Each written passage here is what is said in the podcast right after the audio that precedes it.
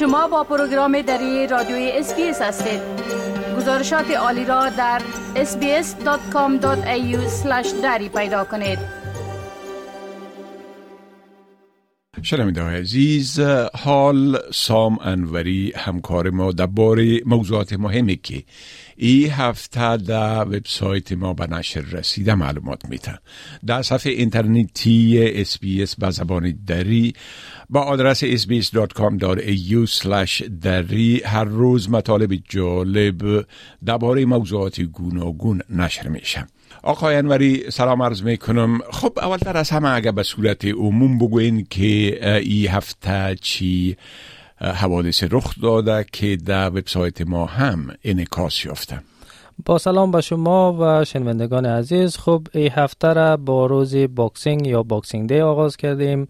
روز قبلش هم عید کریسمس بود. در این ایام بیشتر نیروی کار استرالیا به رخصتی میرن تا با خانواده هایشان به تفریح برن یا با عزیزانشان تجدید دیدار کنند در این ایام ما هم کوشش می‌کنیم مطالب را منتشر کنیم که بیشتر معلوماتی باشند تا خبری هوای گرم ایام کریسمس شمار زیادی از مردم را به تفریحگاه ها و سواحل کشان که البته مرگبار هم بود از روز کریسمس تا وسط هفته 11 نفر در اثر غرق شدن در سواحل و دریاچه های سراسر استرالیا جان دادند.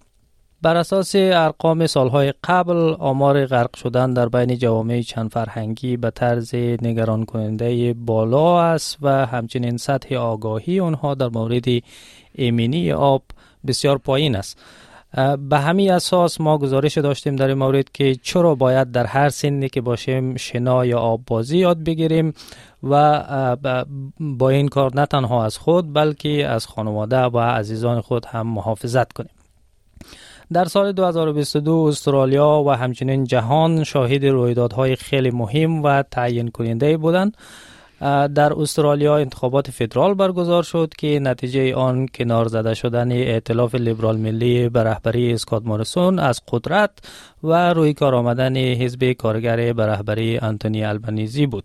در همین رابطه مطلب داشتیم که در او رویدادهای تعیین کننده سال 2022 را هم در جهان و هم در استرالیا مرور کرده بودیم.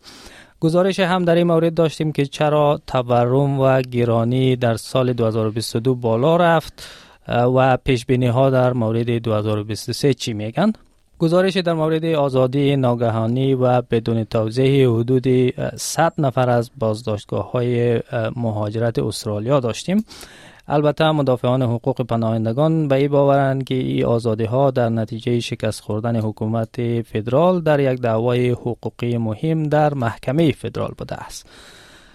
گزارش دیگری در مورد گم شدن یک کشتی حامل حدود 200 پناهنده روهینگیایی در دریای آندامان در جنوب شرقی آسیا داشتیم که در او از دولت های منطقه از جمله استرالیا خواسته شده بود که برای نجات فوری آنها اقدام کنند.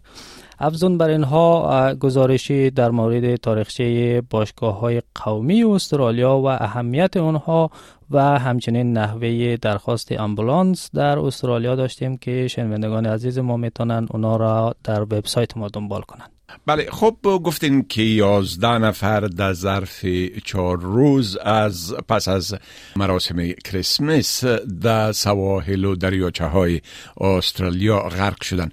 میشه که در این باره یک مقدار لطفا معلومات بتین بله همانطوری که شما هم اشاره کردید از روز کریسمس تا روز چهارشنبه 11 نفر در اثر غرق شدن در سواحل و دریاچه های استرالیا جان دادن. البته آمار کسایی که غرق شده و نجات یافته در این شامل نمی باشه سازمان نجات غریق استرالیا میگه که در اغلب موارد نوشیدن مشروب یا الکل یکی از عوامل غرق شدن ها در جریان رخصتی ها یا تعطیلات می باشه این سازمان از تمام کسایی که در این ایام به تفریح میرن خواسته که تا زمان تمام شدن ماهیگیری قایق سواری یا آب بازی یا هر فعالیت آبی دیگه که دارن از الکل دور بمانند در عین حال مقامات اداره امبولانس نیسات میگن که امسال دریاچه های استرالیا به دلیل بارندگی های زیاد و سیلاب هایی که داشتیم خطرناکتر از گذشته هستند و از مردم هم می‌خواهند که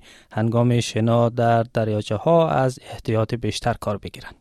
خب همچنان گفتین که یکصد نفر به صورت ناگهانی از بازداشتگاه های مهاجرت آزاد شدن میشه که در این باره یک مقدار روشنی بیندازین؟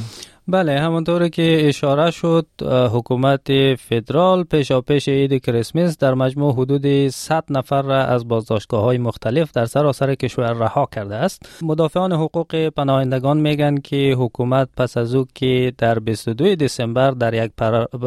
دوسیه مهم یا دعوای حقوقی مهم در محکمه فدرال شکست خورد اقدام به آزاد کردن این افراد کرد بر اساس ماده 501 قانون مهاجرت استرالیا حکومت می‌تونه ویزه افراد غیر شهروند را به دلایل شخصیتی، سابقه جرمی و همچنین عضویت در یک گروه مزنون به خلافکاری باطل کنه.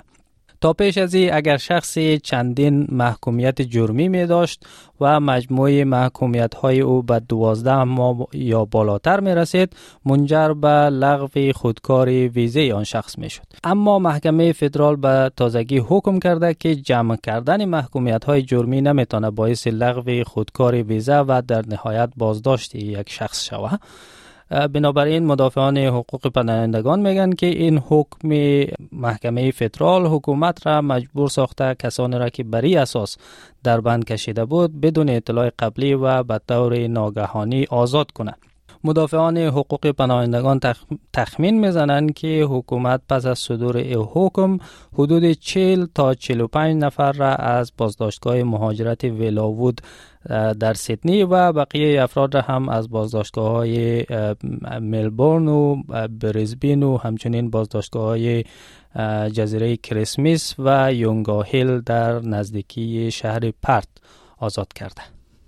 بله خب بسیار تشکر آقای انوری از این معلوماتتان و فعلا شما را به خدا می سپارم. روزتان خوش. تشکر از شما. خدا نگهدار.